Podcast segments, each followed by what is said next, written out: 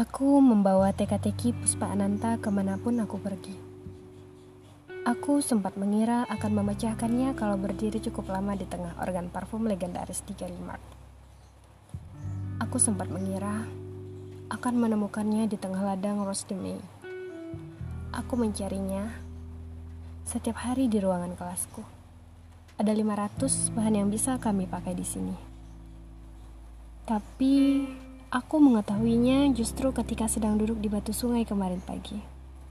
Di tempat yang disebut the Low, ngarai serigala.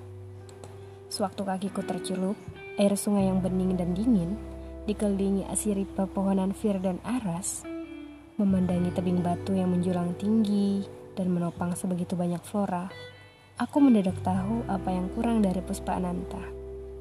Tubuh. Apalah artinya Anggana, Teja, Condra, dan Darani tanpa ada tubuh yang memancarkan.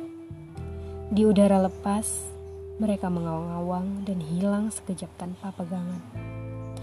Kalau kamu ingin Puspa Ananta menjadi parfum yang dikenang sampai kapan pun, kamu tidak mungkin melepas mereka begitu saja tanpa tubuh yang menopang. Sesungguhnya, tubuh itulah yang akan dikenang. Tubuh itu yang akan membawa rangkaian Puspa Ananta sampai ke sana. Tanaya Suma adalah tubuh itu.